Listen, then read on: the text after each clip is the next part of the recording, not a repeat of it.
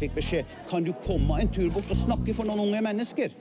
Dette har jeg ventet lenge på å si. Altså, Jesus eh, hadde jo noen klare sosialistiske trekk. Det må det være lov å si. Vet Lindberg hva i helvete har i denne banken her? Kampen for den alminnelige stemmerett for kvinner og menn. Neste tilleggsspørsmål er fra Trygve Slagsvold Vedum. Takk for det, president. Men eh, da skal jeg gjennomføre det slaget her. Så dette blir utrolig morsomt.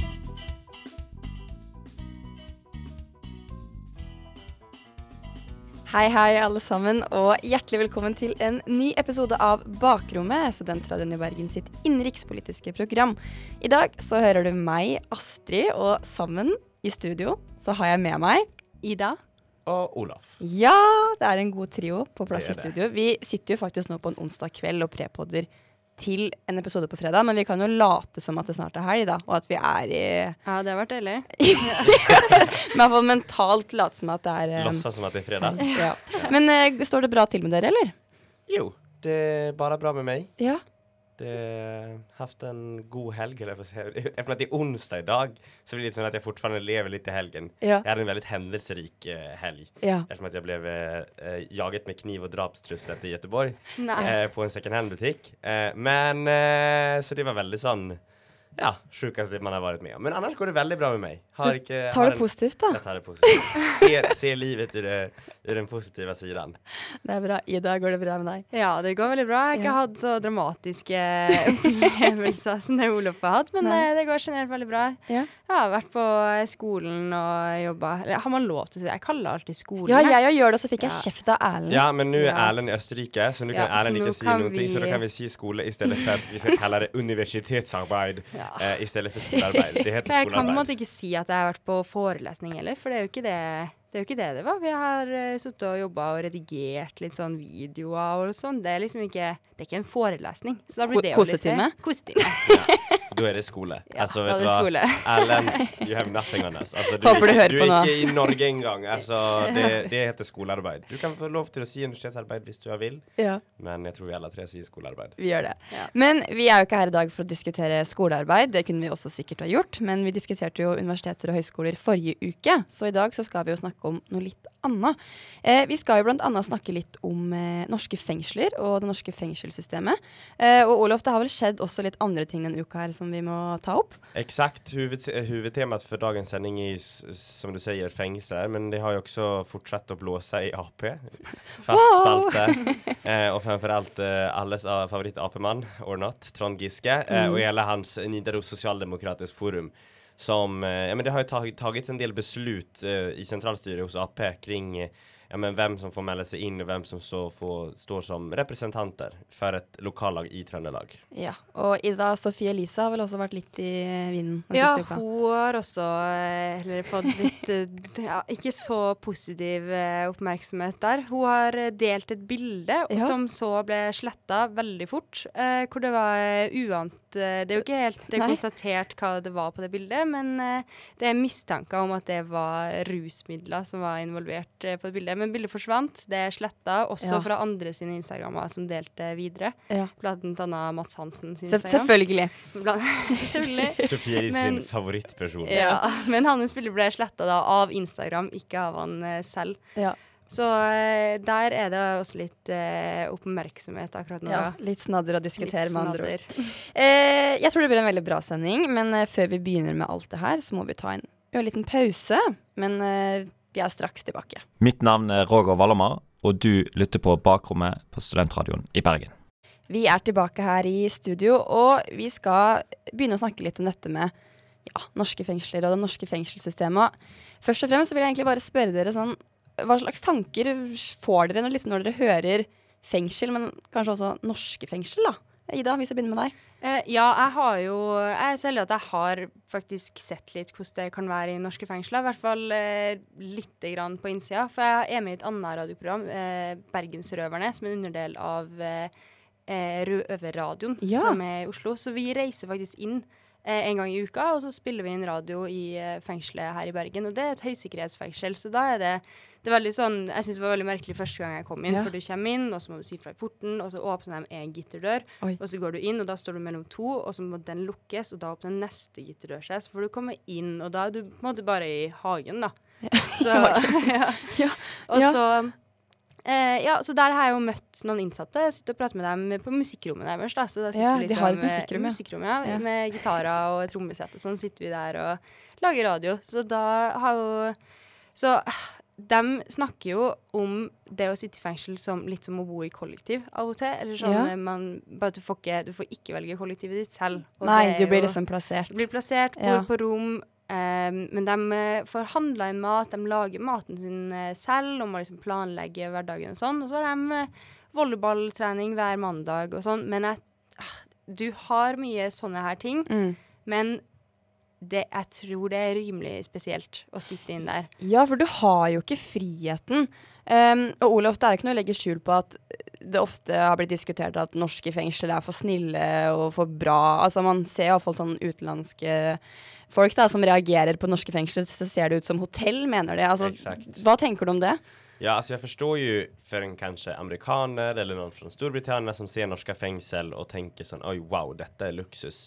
Men det, må, det man må komme ihåg att syftet med ett fängsel är att folk som har begått ett brott ska tjene tjäna sitt straff Mm. under humana förhållanden. Och straffet i sig är ju att friheten tas bort. Mm. Du kan inte göra det du vill när du vill. Eh, du är inlåst, eh, även om du har volleybollturnering, butik och så vidare så är ju liksom den, den fundamentala friheten tagit väck. Eh, och det viktigaste jag tänker också mycket med fängelsevården är ju att när de här personerna har tjänat sitt straff, vare sig det är tre månader, fem år, tio år, är att de ska kunna komma ut i samfundet och klara sig själva. Mm. Snarare än att du har varit isolerad, inte kunnat gjort någonting, inte känna att du är en självständig människa. För jag kan tänka själv att jag menar för mig som en, en vuxen 24-åring, om Ja. all min frihet skulle tas bort Mm. och inte få göra någonting, säg att man sitter i fängelse i USA och Mm. sen ska man komma ut tio år senare så blir det, blir, det sker ju någonting i huvudet. Visst, du inte Absolut. får göra någonting, du får liksom Ja. inte få utløp for noen typ av kreativitet eller hva som helst. Så generelt så syns jeg det veldig bra at uh, det er såpass snille fängelsen Ja. eh, som det enda er. Men sen så er det fortfarande, det er høy sikkerhet, det er friheten i vekke, og, og, du sitter jo der inne av en grunn. Men eh, fordi jeg husker for noen år siden så sjekka Helene sjekker inn da på NRK. Sjekka inn i et fengsel, jeg husker ikke helt akkurat hvor det var, men jeg lurer på om det var Ullersmo, som også er et veldig sånn høysikkerhetsfengsel. Em, og der så ble jo akkurat det du nevner nå, med liksom friheten tatt opp. At det, er, det ligger jo kniver på kjøkkenet, altså de lager jo mat, alt sånn sjøl, men det er jo den friheten som er borte. Men det som er veldig tydelig, er jo at en slik type straff også fungerer. For i Norge så er det jo lite kriminalitet. Eh, Ida, har du noen tanker om hvorfor et slikt fengselssystem fungerer så bra som det gjør? Nei, eh, jo det er jo det Olof sier, da. At man, eh, hvis man bare Hvis jeg har gjort noe ulovlig, og samfunnet reagerer med, å bare plukke meg opp og stenge meg inne, og så eh, sitter jeg der da Mm. og marinerer til jeg får lov til å komme ut, og så har alt forandra seg, jeg har ikke fått gjort noe, jeg har ikke fått utretta. Og jeg tror det funker fordi dem som havner der, i fengselet har jo selvfølgelig Man må ikke gå bort ifra at de har jo gjort noe Ja. som de må straffes for, det er greit. Men det er mye som liksom ligger bak det. Mm. Mye eh, barndommer som ikke Mm. er sånn som eh, vanlige mennesker Ja. eh, har fått, og mye opplevelser som vi slipp, har sluppet mye billigere unna med. Og hvis man da eh, havner et sted hvor man Man får ikke velge hva man får gjøre, men man får leve et tilnærma normalt liv, så får man jo også de opplevelsene som du og jeg Mm. sitter inne med. Absolutt. Og da vil man jo Da kommer man jo på rett vei, da. Ja. da så da, når man da kommer ut i samfunnet igjen, så har man mer kommet inn på det sporet, da. Det har jeg i hvert fall eh, skjønt som at det er planen. Ja. Og det virker jo som det ofte funker. Ja, absolutt. Eh, Olof, har du noen tanker? Ja, men jeg er helt enig med det Ida sier. Jeg jag tror jo også at f- grunden till att norska fängsel är som det är är ju för att förhindra att man återfaller i brott. Yes. Och om man ser lite på statistik bara här i Norden så är eh, Norge lavest med Mm. att eh, i Norge så återfaller 20% av de frigivna från fängsel eh, i nya brott inom två år. Ja. Därför exempelvis Sverige ligger på en siffra på 43 Oj. Och de övriga nordiska länderna ligger någonstans mellan 27 och 36 procent. Och Det var jo veldig interessant. och sen så det här är ju alla typer av brott. Alltså jag tänker att eh, om man jämför för exempelvis ringa misshandel kontra våldtäkt eller drap så är, det- så är det ju, det här tar ju upp allt. Men jag syns ju att det här visar ju också att någonting funkar med fängelsen. Mm. Att du, du får, din frihet tas bort men du behandlas humant vilket också gör att du akklimatiseras till samfundet när du, den dagen du väl kommer ut. Absolutt. Jeg syns vi fikk noen gode refleksjoner der om eh, litt sånn generelt hvordan fengselssystemet er. Eh, når vi kommer tilbake, så skal vi snakke om noe som kanskje ikke er like ikke, Det er jo ikke livlig noe av det her, egentlig, men liksom noe som er litt mer dystert, da. Eh, men før den tid så skal vi ta en liten pause. Mitt navn er Linn Kristin Enge, og du lytter til Bakrommet på Studentradioen i Bergen. Da er vi tilbake her i studio. Eh, og som jeg sa i stad, så skal vi jo snakke om noe nå som dessverre er en realitet. Eh, fengsler er jo, som vi snakka om, en straff som man må ta for å ha begått lovbrudd, og man blir jo tatt fra friheten annet. Men denne straffen fører også til at noen mennesker da velger å avslutte livet sitt. Eh, og det er ikke noe å legge skjul på at eh, det dessverre skjer jeg vil si altfor mange da, eh, selvmord i norske fengsler. Eh, og Ida, du har jo vært eh, som du sa, i Røverradioen, du har jo snakka litt med innsatte. Eh, men hva tenker du om det her, og ja, hvorfor skjer det, tror du? Eh, altså, det her er jo en veldig utsatt gruppe. Sånn som jeg var inne på i stad, så har de eh, hatt mye problemer, gjerne hele livet. Det er veldig få som plutselig våkner opp en dag og bestemmer seg for å utføre kriminelle handlinger. Mm. Um, og eh, det er også et problem at eh, veldig mange trenger egentlig altså, psykiatrisk behandling, Mm. men blir eller veldig mange. Men det skjer at folk som egentlig trenger behandling, blir satt i fengsel, og at det er veldig vanskelig å plukke opp. Ja. For det, og det tror jeg har med veldig masse forskjellig å gjøre.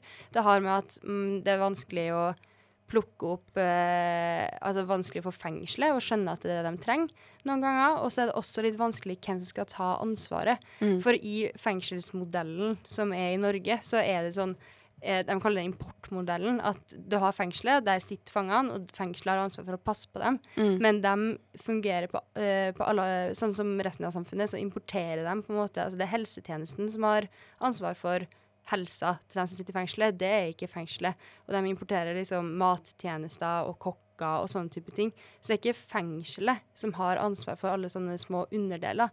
Det er helsetjenesten i resten av samfunnet. Mm. Men så har det vært Jeg tror de som sitter i i fengselet har blitt en litt sånn kasteball. Ja. At ingen som har lyst til å, ta dem. Ta vare på dem, ja, egentlig, det liksom. Ja. ja. helsetjenesten peker på fengselet, og fengselstjenesten Eller ja, de peker tilbake, og så blir det litt sånn Vet ikke helt hvor man skal plukke dem opp. Og så er de veldig utsatt, og de er jo alene og sitter Ja. inne De er jo innestengt, og Mm. for alle som har slitt psykisk, så er ikke det en god oppskrift å sitte alene innestengt. Nei, Det hjelper ikke. Og eh, de mister jo friheten til Mm. å treffe de menneskene de er glad i, ha det sosialt.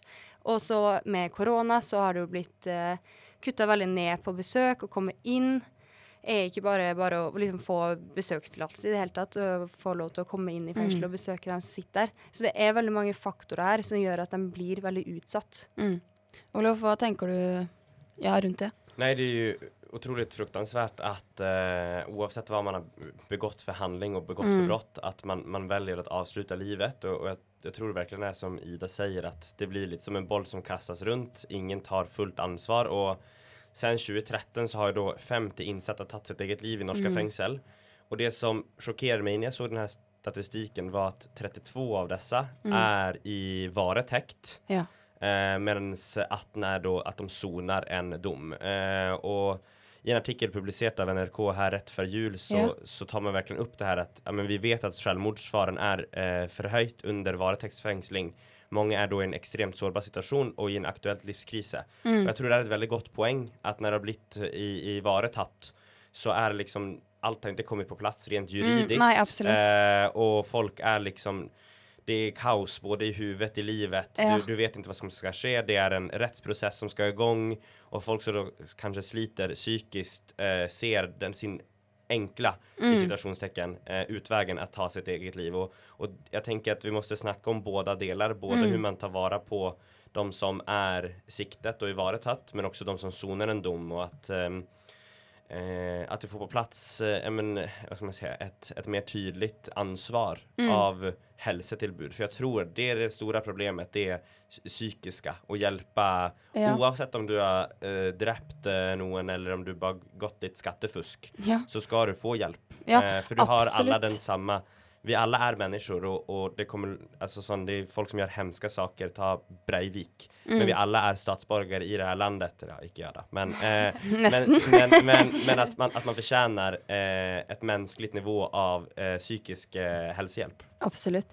Em, Ida, du nevnte litt før vi gikk på lufta også dette med kvinner, eh, og hvordan det er å være i fengsel. Har du noen tanker rundt det? Ja, altså det har det, har det vært veldig mye snakk om i det siste. Eh, at eh, særlig i kvinnefengsel så har det vært uh, veldig mye selvskading. Mm. Det var en periode Det var i Bre, Bredtveit fengsel. Ja. ja der, det er vel egentlig Nå hørtes det ut som jeg liksom visste veldig godt om hvor det var. jeg har, hørt har, om du, det. har du vært der? Jeg har vært der. Nei. Nei, jeg har hørt om det. ja, det er vel egentlig et fengsel for menn, men så har det vært for mange kvinner som sitter eh, inne, så dem- og de skal sitte med andre kvinner, de skal ikke blandes. Ja.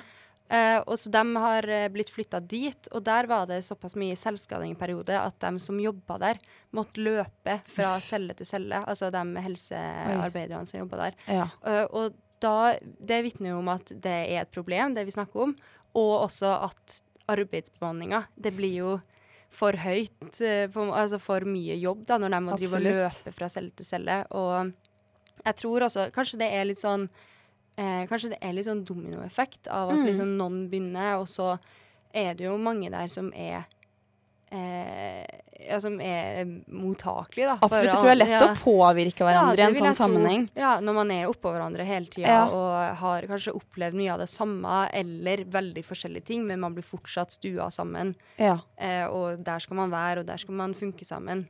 Eh, og det tror jeg er vanskelig Mm. for veldig mange.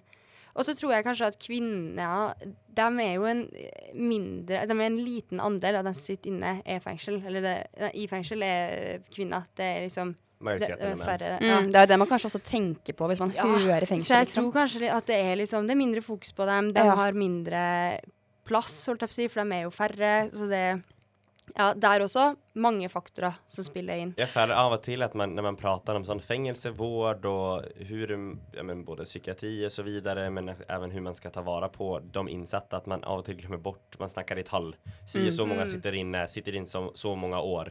Men at det er også mennesker. Mm. Eh, om de har gjort forferdelige ting, eh, så er det, det er noe veldig mange som sliter og, og, og de må få den hjelp de behøver. Og får de den hjelp de, de behöver, så tänker jag att när de väl kommer ut så är det också enklare för dem att anpassa sig till samfunnet. Mm. Att de får den hjälpen eh, när de sitter instängda.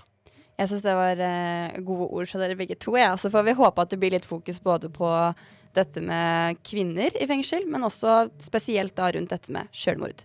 Eh, vi er straks tilbake. Hei, jeg heter Tobias Strandskog, og hver fredag hører jeg selvfølgelig på Bakrommet. Du hører på Bakrommet, og vi er tilbake her i studio nå. Eh, og nå så skal vi snakke litt om isolasjon i fengsel. Fordi eh, tidligere i februar så kom Justisdepartementet eh, med da et eh, nytt eh, ja, forslag, kan man si, eh, for bruk av isolasjon i norske fengsler. Eh, for det er jo ikke noe å legge skjul på at norske myndigheter over en lengre periode og mange år har blitt kritisert både av Sivilombudet og flere andre internasjonale aktører for den norske isolasjonsbruken i fengsler. Um, og det er jo kommet da en del nye forslag uh, som da skal på en måte være med på å hva skal man si, utvikle dette isolasjonsbruken videre, men også på å gjøre den bedre da, enn hva den er i dag. Eh, og Ida, jeg vet ikke hva slags tanker du gjør deg rundt både bruken som har vært, men også hvorfor nå vi ser på å endre den. Eh, altså, det har jo vært mye snakk om det. Det har kommet opp mye historier fra folk som har sittet i isolasjon, uh, at de har sittet der altfor lenge, at det har blitt misbrukt. Og det går jo Altså, det går imot menneskerettighetene, og det går imot uh, Grunnloven. I Grunnloven så står det at uh, ingen må utsettes for tortur eller annen umenneskelig eller nedverdigende behandling eller straff. Å sitte alene innestengt sånn som det, det er det veldig mange som argumenterer for at det er tortur. Mm. Du får ikke Altså, du får ingen uh, stimuli i det hele tatt. Du Nei. sitter bare inni der og lengter etter å bli sluppet ut. Mm. Og Ehm, Aftenposten skrev om eh, Nei, beklager, Stavanger Aftenblad skrev yeah. om eh, en som har sittet i isolasjon i over 600 dager.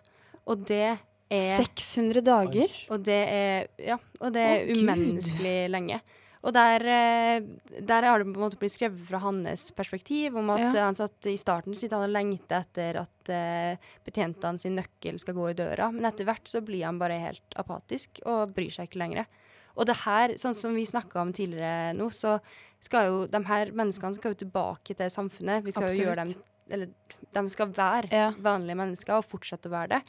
Og vanlige mennesker blir ikke innestengt og sitter der sånn som det der. Det der er jo For et tillitsbrudd Mm. å ha det der. Han kommer jo aldri til å stole på betjentene igjen. Han å, hvis han kommer ut igjen, da, eller når han kommer ut igjen, så Det her ser jeg bare for meg, men jeg ser ikke for meg at han er medgjørlig noensinne igjen, på en måte, inne i det fengselet. Og når det kommer opp sånne her historier, så da syns jeg det er utrolig naturlig å se på en forbedring av systemet. Ja. Ja. Og det har jo som sagt kommet litt nye forslag nå, og et av forslagene er jo f.eks. at uh, kriminalomsorgen skal legge til rette for eh, fellesskap mellom innsatte og arbeide for å forebygge isolasjon og så langt mulig avhjelpe negative virkninger av isolasjon.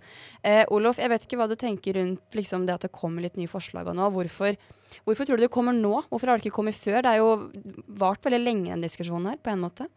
Oi, det, ehm, det vet jag faktiskt inte. Nej. Men alltså, jag tror ju också det kan ha att göra med, ja, vi har inte en så ny regering, men man vill ta nya tak med, eh, med rättsväsendet och med justitspolitiken. Men, men jag tror verkligen som, eh, som Ida är inne på att eh, det här med att sitta så länge, det gör någonting med människor som vi inte kan förstå. Mm. Och sen i tillägg, hvis man inte har ett fungerande psykiatriskt tillbud, eh, så blir, blir det ännu mer skadligt. og och liksom vi alla är i behov av den mänskliga kontakten. Nu ska jag inte säga att jag kan relatera till någon som har suttit i isolation i 600 dagar, men Nej. jag tror vi alla kan känna på bara när corona var här. Ja. Visst, man var i isolation eh, Mm. för att man fick ett positivt test i tio Mm. dagar.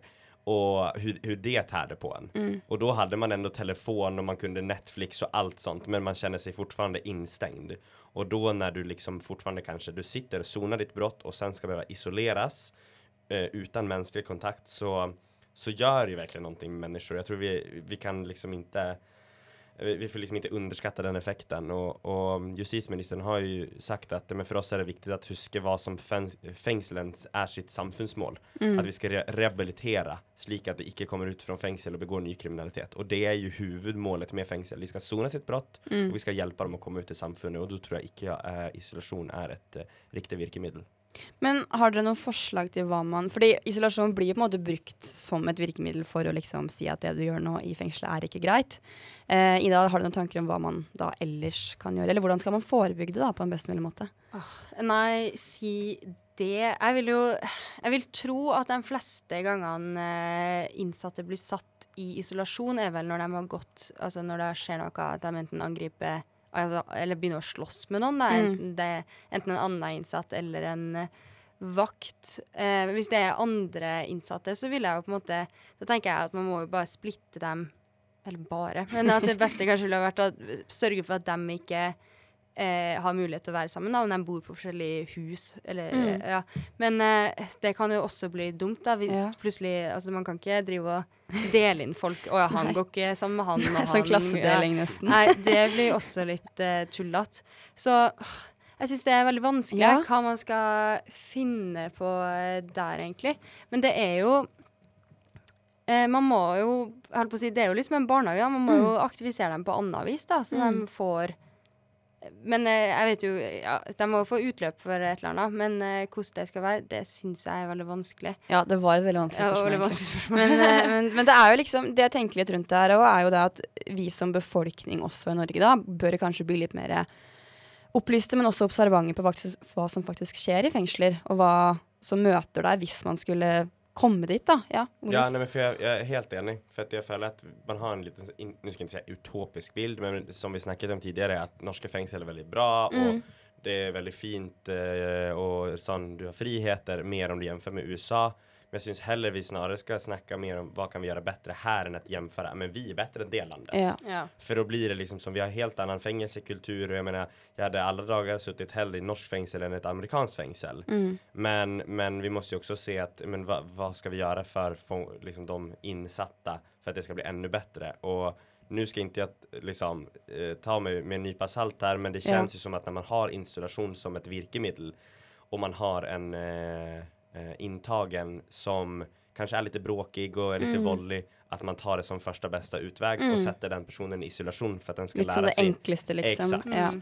Utan att vi kanske måste så här, få på plats på ordningar. Okej, men det, det här är första steget det här och sen så kanske att isolation är absolutt den sista utvägen. Ja, mm. du har så den første första allt person, den, den slår ner alla, den, den liksom är extremt våldig, den liksom går inte och då kanske eh, men, men at det ikke skal være liksom og beste eh, hjelpemiddel. Mm. Det blir veldig spennende å se hva som, eller hvordan denne høringen, eller de forslagene her blir behandla når det skal ut på høring, og hva som skjer i framtida. Så vi får egentlig bare vente og se om det blir noen forbedringer sånn sett da, i det norske fengselssystemet. Eh, vi må ta en eh, liten pause, men vi er straks tilbake. Jeg heter Jonas Gahr Støre, eh, og når jeg er i Bergen, og hvis jeg kan, så lytter jeg på Bakrommet, studentradioen i Bergen. Vi er tilbake her i studio, og det er jo ikke noe å legge skjul på at vi i bakrommet kanskje har snakka mye om et visst parti og en viss person. Eh, hvis jeg sier Arbeiderpartiet og Trond Giske, ringer det noen bjeller da, Olof? Nei, stå helt stille. Står helt stille. Eh, nei, men det har jo vært en, en, nesten en fast spalte både med dårlige meningsmålinger og det er jo en intern kris i AP. Det er Ja. ingenting å legge skjul på. Eh, og som vi har snakket om tidligere her, så har jo da Trond Giske startet för om det är typ ett år sedan eller någonting sånt, eh, Nidaros socialdemokratisk forum Ja. som ingår i AP Trøndelag men som är öppet för att egentligen vem som helst kan bli, bli medlem i. Och det har ju växt extremt mycket. Eh, och det har ju fått väldigt mycket kritik. Eh, Giske i sig har ju kritiserat väldigt mycket eh, AP och vilken politik de driver. Eh, och liksom sagt att jag har si och så många medlemmar, typ 3-4 tusen medlemmar, ni borde lyssna på mig. Men det är ju som, det som är problematiskt med den här eh, det här forumet är ju att det är medlemmar från hela landet. Så Mm. det är inte sett till APs medlemsantal så är det inte så stort. Eh, men nu har ju då eh, centralstyret i AP ehm, lagt fram ett förslag, eller som egentligen har gått igenom, det att eh, eh, deltagande för, ehm, liksom, alltså på landsmöte då, eh, Mm. när man ska stämma så är det bara deltagande boende i Trøndelag som har stämmerätt och kan ställas till representantsvalg i Trøndelag. Mm. Eh, för att för exempelvis du kan vara både med i AP-viken Mm. och Nidaros socialdemokratisk forum. Så det är ju bara som en sidoklubb for alle som er enige med Trond Giske. Ja. Og dette har jo da egentlig redusert reducerat eh, ja, hans makt på lands, landsmøtet og innflytelse i partiet. Ja, fordi hva tror du det her liksom nå, Som Olav sier, det har jo allerede påvirka Giske, det er usynlig. Men liksom, hvordan tror du det her kommer til å påvirke han enda mer nå?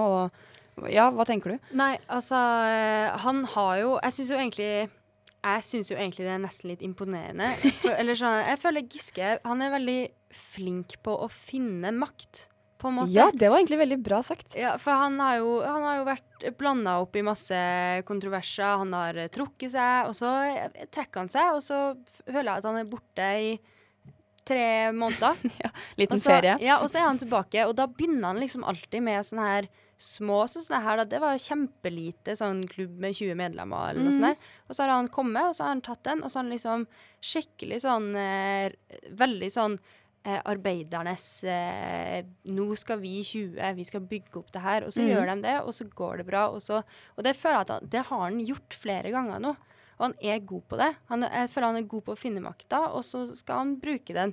Og så merker jeg Eller sånn, de har jo, prøver jo nå å i Ap da, å begrense det her litt, sånn at Mm. ikke det blir, går helt st- stokk over stein. For det er, jeg er litt redd for at det skal på en måte Eller redd for, da, men jeg kan se for meg at det kan splitte partiet enda mer.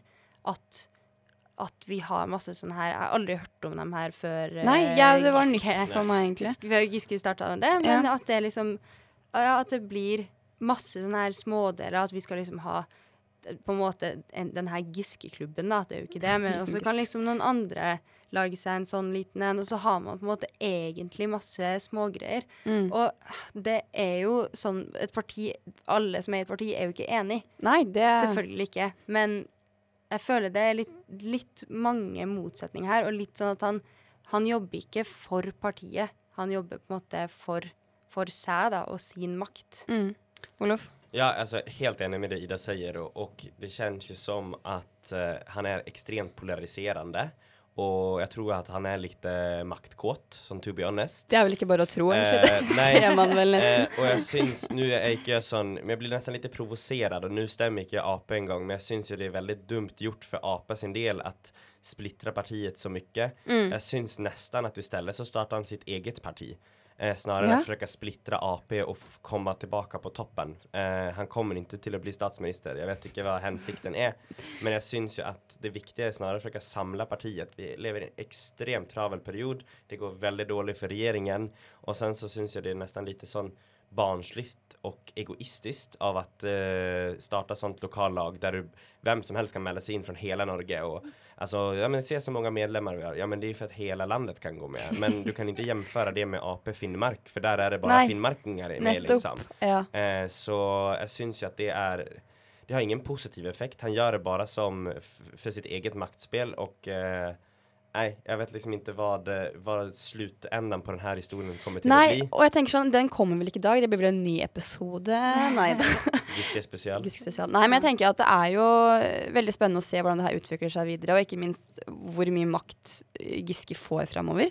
Eh, og hvordan han kommer til å prege politikken også. Han er jo ikke en altfor gammel mann, så han har jo noen aktive politiske år igjen, han, hvis han vil det. Så det blir veldig spennende å følge med hvordan det går. Vi må ta en liten pause, men når vi kommer tilbake, så skal vi snakke litt om Sofie Elise. Mitt navn er Bjørnar Moxnes, og du lytter til eh, Bakrommet i Studentradioen i Bergen. Vi er tilbake, og nå skal vi diskutere en uh, annen kjent person. Kanskje nykommer her i bakrommet, men sånn i media sett så er det jo en kjent influenser som mange vet hvem er, i hvert fall.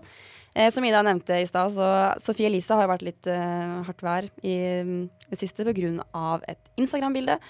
Og nå har jo bl.a. medlem av Kringkastings, Kringkastingsrådet Der må jeg holde tunga rett i munnen. Altså. Trude Drevland eh, mener jo nå at saken skal behandles. Eh, og så vidt jeg kan se, for to timer siden så hadde da rådet fått over 1600 klager på det her. Eh, og Ida, hva er det egentlig som er greia her?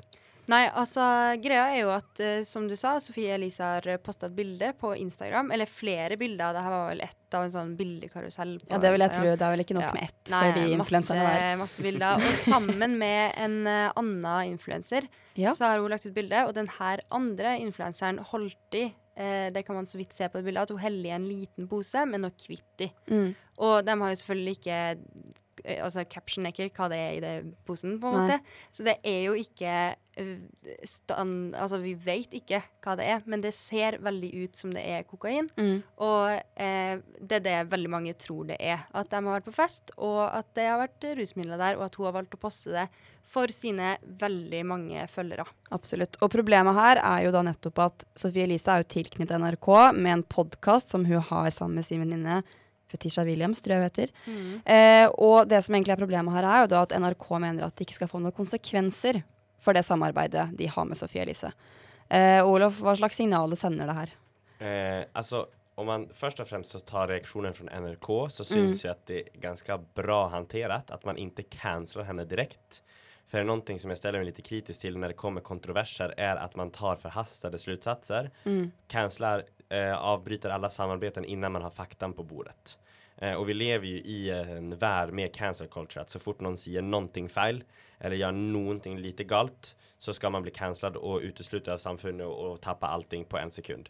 Eh, då tycker jag det är bättre, som med kringkastningsrådet, Mm. att man gör en grundlig undersökning även från NRK sin sida och, och liksom går till grunden vad det här är och, och så vidare.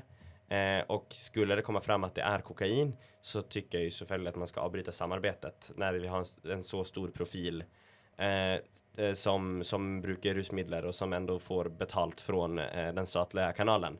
Men jag tycker heller inte att man ska ta förhastade slutsatser utan att göra en grundlig undersökning eller en ja, förundersökning till vad som har skett. Och det kan jo også være sånn, nå var det ikke hun som holdt i posen. Mhm. Eh, det var jo dama til eh, Mette-Marits sønn.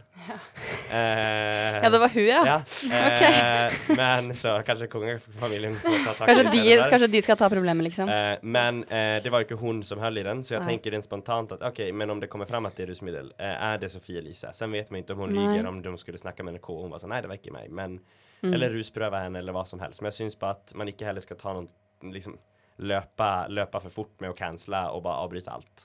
Og du er litt inne på det nå, men det er jo sånn at uh, det her er faktisk da den tredje mest innklagde saken i Kringkastingsrådets historie.